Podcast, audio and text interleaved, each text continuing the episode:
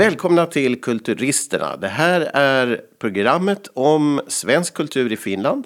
Om ord och ortnamn och eh, företeelser som vi i Sverige kanske inte alla gånger känner så väl till. Och här eh, eh, hos Kulturisterna så finns vi två då. Det är först Erik Snellman som är experten och den ständiga gästen i programmet. Välkommen! Tack, tack. Och jag, Henrik Thorsson. Och Erik, du är ju, ja, du får alltid säga någonting om, om vem du är också i början, brukar vi ha. No, framförallt så är jag ägare av en Ford Mustang från 1964. Japp. Och jag, Henrik Thorsson, har ingen Mustang, dock en modernare bil, men jag har det att jag har varit tv-producent här i Finland tidigare och nu är jag jurist och filmproducent och väldigt intresserad av det här gamla finska, svenska, finlandssvenska, allting som har med Finland och Sverige att göra är tillbaks i tiden. Det är mycket det vi pratar om. Men om man ska säga någonting om nutiden så kan vi bara nämna det först att Just nu så hör ni ju att vi är på olika håll. Jag har en ganska bra mikrofon här och Erik är på telefon, eh, eller på nätet kan vi säga. Och det beror på delvis att just nu är det mars 2020 och det är en viruspandemi i världen och vi rör oss inte långt från våra hem för närvarande. Men det fungerar i alla fall eh, i podcastvärlden därför vi kan talas vid på det här sättet ändå. Och det är oroliga tider, men eh, vi ska först och främst ägna oss åt dåtiden här nu och det är ju Erik som har att berätta om det. Men innan vi gör det så skulle jag bara nämna en bok som heter Anteckningar från det Helsingfors som gått. Det handlar alltså om dåtiden. Det är Zacharias Topelius texter som är utgivna av Torsten Steinby. Han är också en riktig kulturist, Torsten Steinby. Och eh, ja, det kan man väl säga att Topelius också är, men han är ju liksom innan det begreppet ens fanns skulle vi kunna säga. Men i alla fall Erik, ehm, det här med, vi har pratat om det i ett, ett avsnitt som inte har lagts upp och inte finns publicerat. Men anteckningar från det Helsingfors som gått. Det är en rätt rolig titel. Och det träffar ju oss väldigt, för vi gillar ju sånt gammalt. Men uttrycket från det Helsingfors som gått, är det, det är lite lustigt på något sätt, eller? Vart har Helsingfors gått? No, du menar alltså att verbet gå på något sätt inte passar in på en stad. Men jag, jag tänker inte så där. Nej, men för dig passar det in, eller hur tänker du? No, det kunde vara en, en, en stad som var eller något sånt. Mm. Eller tiden, har, tiden som gick, tiden har gått. Ja, no, men, så, men så, så säger man ju. Tiden går, klockan går men det betyder ju inte att klockan går sin väg. Nej, nej det är sant. Men det, men det är ändå även, det här. Jag, Även om den gjorde det i Kalle Anka någon gång på 60-talet men i princip nej. nej, men, men eh, titeln är ganska fin i alla fall. Eh, anteckningar från det Helsingfors som gått. För vi har ju talat här i Kulturisterna tidigare. Du skriver ju memoarer bland annat Erik. Och eh, det här med tiden och det som har varit och vad man minns och vad finns och vad finns inte. Eh, och anteckningar från det Helsingfors som gått. Det gör ju att det som finns kvar är ju de här anteckningarna. Och det som berättas där blir, blir ju det som finns. Medan det som har gått har gått. Det, det som var har varit. Eh, Och det är ju det som är fascinerande med när någon har givit sig tid att skriva ner vad som har hänt. Eller hur? Det är märkvärdigt. Det här gillar vi. Mm, Jo, men, men så där är det ju alltid Ja. i och för sig. ja, så är det ju alltid. Men eh, de hade ju inte podcast på den tiden. Så då fick de ha anteckningar istället. Och på tal om det, så, eh, det här med tiden. Så ett avsnitt i boken är då för 50 år sedan. Så då läser vi alltså Topelius text skriven 50 år senare efter det som han skriver om.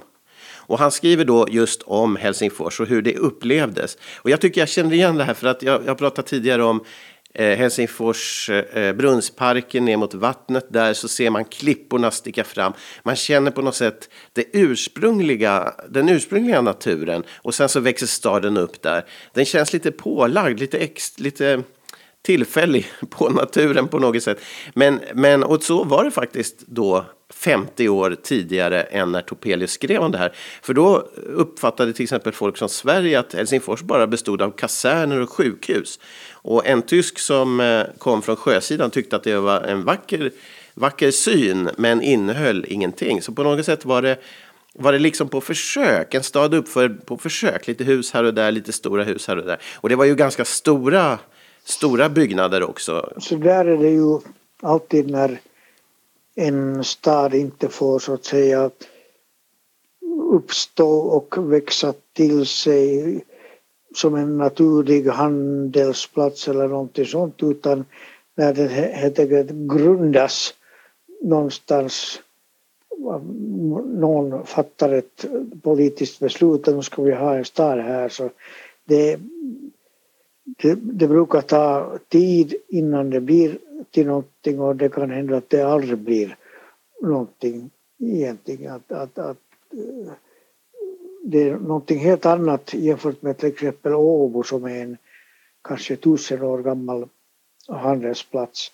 Men Helsingfors grundades av Gustav Vasa år 1550 och det blev egentligen ingenting då, av det då heller men hundra år senare så började man att bygga ett nytt Helsingfors en mil därifrån ute i skärgården kan man väl säga och småningom så blev det någonting. Men det var ju egentligen först när Ryssland ockuperade och, och tog eh, den östliga tredjedelen av Sverige och gjorde Helsingfors till huvudstad. Det var då som det började hända någonting i det som vi nu kallar Helsingfors. Och det är ganska intressant dessutom att notera att eh, staden Helsingfors har sitt namn efter ett landskap i Sverige. Ja, och det, förklaringen till det är ju bland annat att det var en inflyttning därifrån, till och med ett regemente som var förlagt hit en gång i tiden. Jag vet inte hur mycket man ska fästa eh, vid det att det var så, men det talas ju om det, att det var Hälsinge regemente eller möjligtvis folk från Hälsingland som kom hit. Eller vad skulle du, vad, vad är din inställning till den ja, teorin? Alltså, no, jag vet inte så mycket om de här regementena, men namnet har garanterat att göra med Hälsingland i Sverige. Ja, just det. Ja, men eh, vi har ju, vi ska gå lite tillbaka i tiden ytterligare då, längre än 50 år tillbaka från Topelius tid. Alltså, det betyder ju 200 år tillbaka för oss. Men vi ska gå ännu längre tillbaka och prata om byarna i Helsingfors. Och förra avsnittet så talade vi om Töleby som, ja, vi diskuterade om det kunde vara, du berättade Erik, någon Tyrgils någon gång i tiden. Och vi fick faktiskt en del kommentarer. Dels så ska jag berätta ett, en intervju på, i Folk i Finland som kommer snart. Eh, det är med Malou Siliakus, skådespelerska i Sverige från Finland. Hon, hon berättade att hennes mamma hette Tyrgilsdotter och även så hennes bror hette också Tyrgils. Eh, det var en lustig sammanträffande eftersom eh, det var just, eh, intervjun gjorde vi just efter vårt senaste kulturistavsnitt. I alla fall så, det namnet i alla fall aktivt. Och, och det har lite att göra med en kommentar som vi fick också på vårt program, nämligen att Eh, Eh, vi påstod att, eh, eller du och jag diskuterade då den här teorin om, om Tyrgils och, och hur det var. Eh, och, och, Tölle var det ju också fråga om. Och Tölle och så, och så blev det Töle och så vidare. Nå, eh, det här har ju eh, någon lite invänt mot. Att hur kan man säga så? För vi, vi sa att det där är bortglömt. Det här med Tyrgils och Tölle då som ett smeknamn på Tyrgils. Det är bortglömt så att det kan ingen... Hur kan vi då påstå att det är så fast det var bortglömt? Tyckte väl någon kommentar, kommentator att det var lite magstarkt. Och vi kan väl säga det här om vad är sant och inte sant i de här sakerna vi pratar om. Hur, hur vet man att det har varit så som du berättar? Och, ja, ska vi säga någonting om det? Det här med vetenskapligheten mm, i ja, det hela. Det här med Tyrgils som då möjligen har blivit Tölle. Så det är ju bara en teori. Inte går det att bevisa på något sätt men det finns väldigt få andra teorier så den lever och mår bra tills vidare den, den teorin.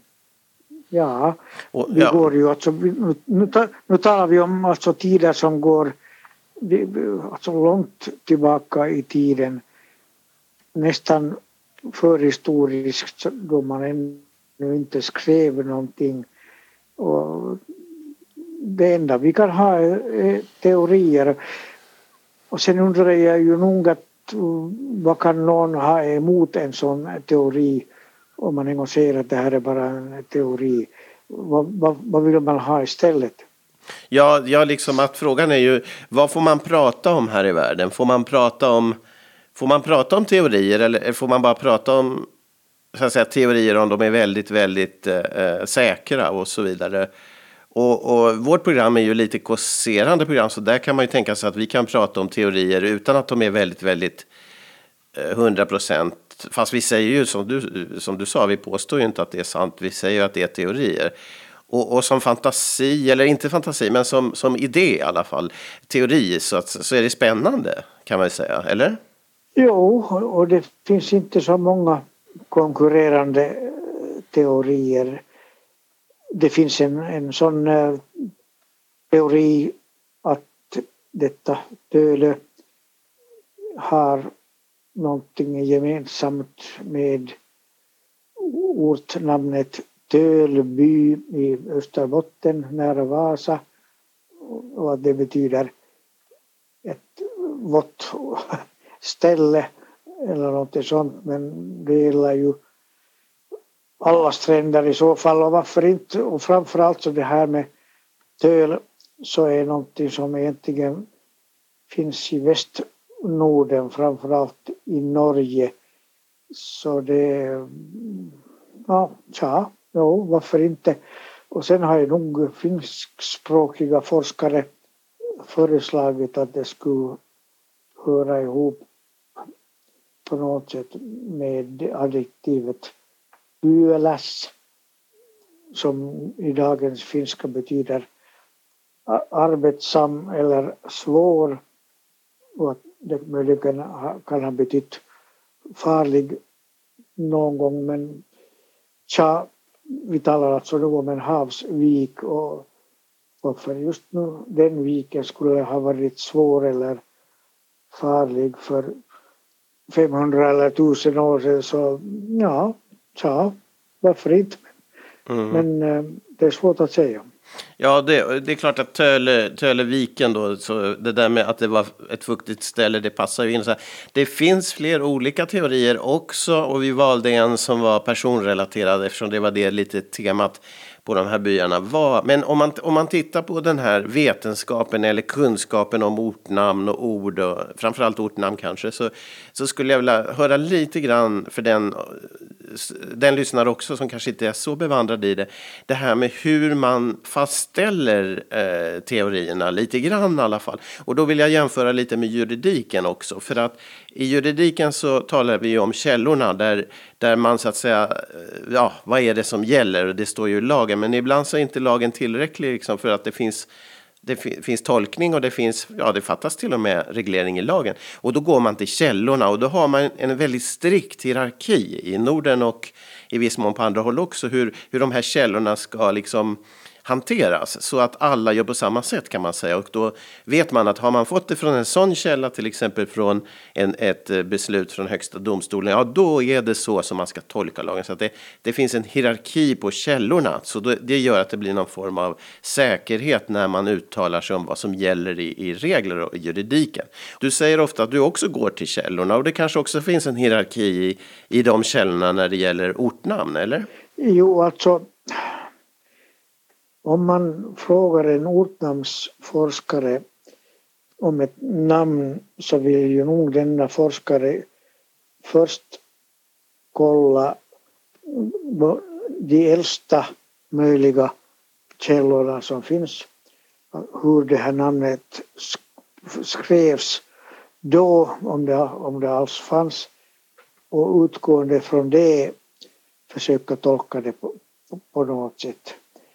Eh, för att det var, om ett ortnamn idag låter och, och ser ut som någonting men om man vet att det för 600 år sedan lät på ett annat sätt så då är det ju nog det här äldre belägget som är liksom det som är viktigt.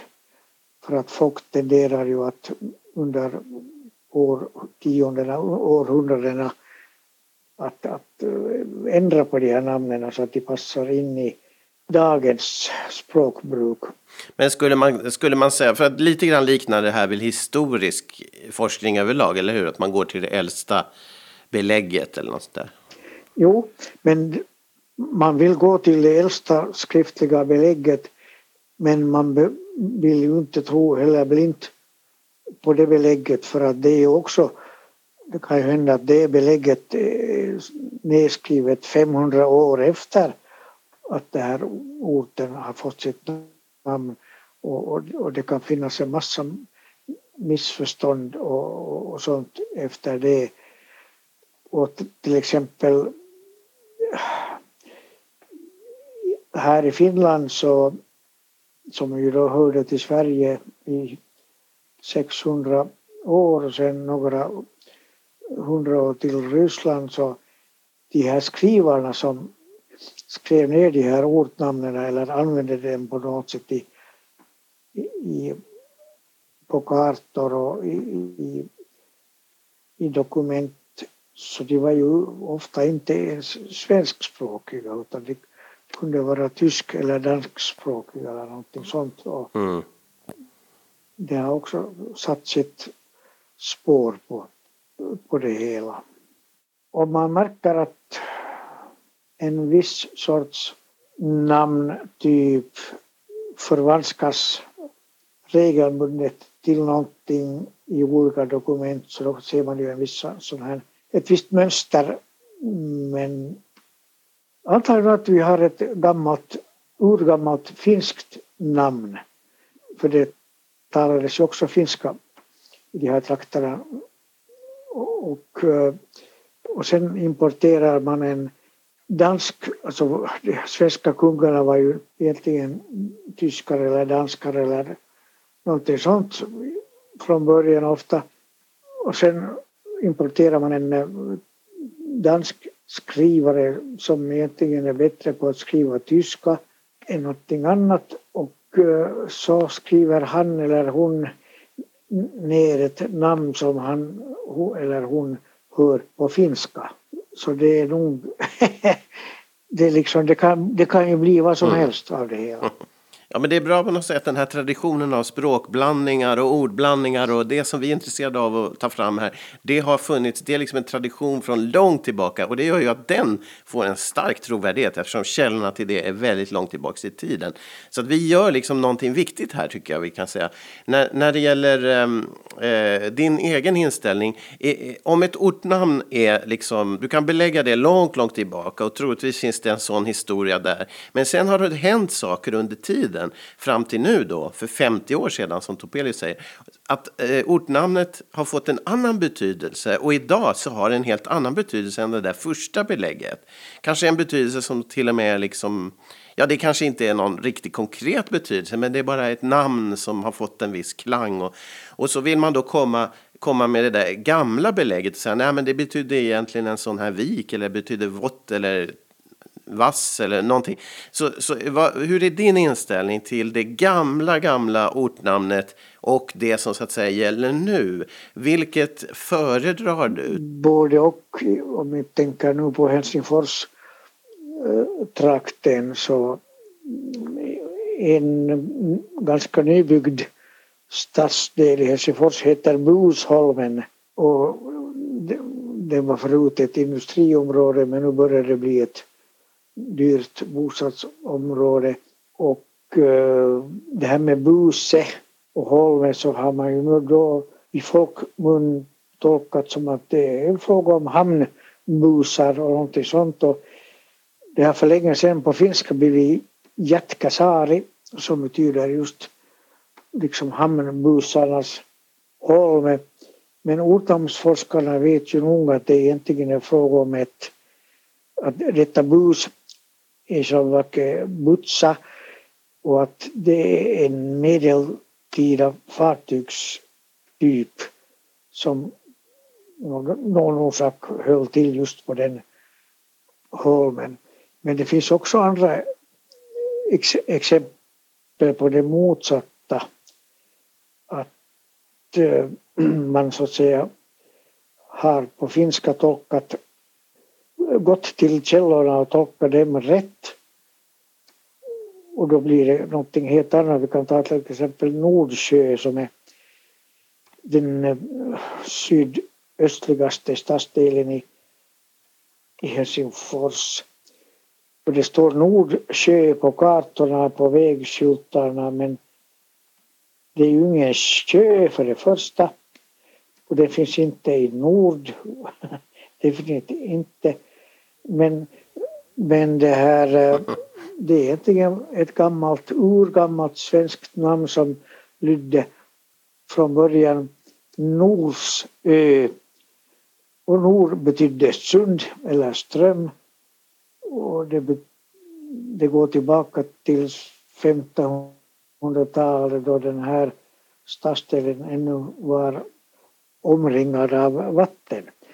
Och det är den ju inte mera men Sen när den här stadsdelen så småningom fick ett finskt namn så då gick man faktiskt till källorna och märkte att hej, att det, det är inte fråga om någon sjö i nord utan det är fråga om ett en, egentligen en ö som är omringad av vatten och så gjorde man en, en så gav man ön ett historiskt korrekt namn. Eh, Vuosaari som då betyder faktiskt Strömholmen eller Sundholmen. Oj, vad intressant. Så att, eh, men, men vad skulle du säga, vilket av de här två är mer rätt då? Strömholmen eller Nordsjö? Eller eh, skulle du föredra någon av dem eller hur, mm, hur gör man? Det går ju att göra på... Alltså båda två duger ju. Det är ju egentligen ur språkanvändarnas och invånarnas synvinkel så har det ju egentligen ingen betydelse. En av mina läromästare i tiden, Kurt Siljakus, sa att ortnamn är som etiketter. De kan de fungerar bra som de är men det går att ta bort och flytta och bytas. Jag menar om vi nu kommer överens om att från och med imorgon som heter Helsingfors Kalle Anka. Eller Ankeborg kanske. Men det är en diskussion vi får ta. No, jo, men, men att, jo, varför inte, men alltså det, det är ändå ingen som, nästan ingen som vet vad Helsingfors namnet riktigt innebär. Mm. Och när finnarna gjorde det här till Helsinki så vågar jag påstå att det är nog ingen som vet att det har att, att Finlands huvudstad är uppkallad efter ett landskap i Sverige. Och det finns säkert folk som skulle bli väldigt upprörda om man, om man skulle säga det här. Okej, men din, din lär, läromästare Kurt Celiakus som, eh, som säger det då med de här, de här eh, etiketter. etiketter. Men är, är vi där? Är det där dit vi kommer? Att det är så man måste ändå Tycker du att det är så man ska se ortnamn också? Och att den här överdrivna känslan av att det, det betydde en gång det och det och nu, därför är det fel. Att, ska man ta det här etikettlösningen? Skulle du förorda det? Är det så du själv känner? Mm, ja, alltså jag personligen ser ju nog gärna att namnen följer en historisk sanning på något sätt och berättar någonting om, mm. om gamla eh, tider men i praktiken så så vet jag ju att det egentligen inte har någon betydelse för de som bor där och dagligen använder det där namnet. Det har, nej, det har egentligen ingen betydelse. Nej, men för oss har det det. Vi är kulturister och för oss har det betydelse. Och precis som vi sa från början, det är liksom det som har gått och ortnamn som har gått tycker vi är värdefulla. Och på något sätt så är ju den tiden som gått Eh, kvar i ortnamnet om man tittar tillräckligt långt tillbaka. Så jag håller med dig och att det är spännande med det historiska och jag vill ändå slå ett slag för det. Även om det inte har betydelse för alla så har det för oss i alla fall kulturisterna. Det här var ett eh, specialkulturistprogram kan vi säga som vi inte vet vad vi ska döpa till riktigt om det är nummer 13 som det egentligen är, eller är det 12B eller är det 14? eh, det här avsnittet inleder en mer intensiv eh, produktion från vår sida då vi sitter nu isolerade i våra olika hem i Nyland i södra Finland. Och eh, ja, är du intresserad av att höra mer av Kulturisterna så tittar du på totalmedia.com. Där finns det fler program. Ja, det finns ju faktiskt 12 till kulturistprogram och även intervjuer med eh, folk i Finland. Eh, och det läggs upp nya eftersom. Vi tackar så mycket för idag och återkommer. Tack så mycket Erik Snellman. Tack, tack.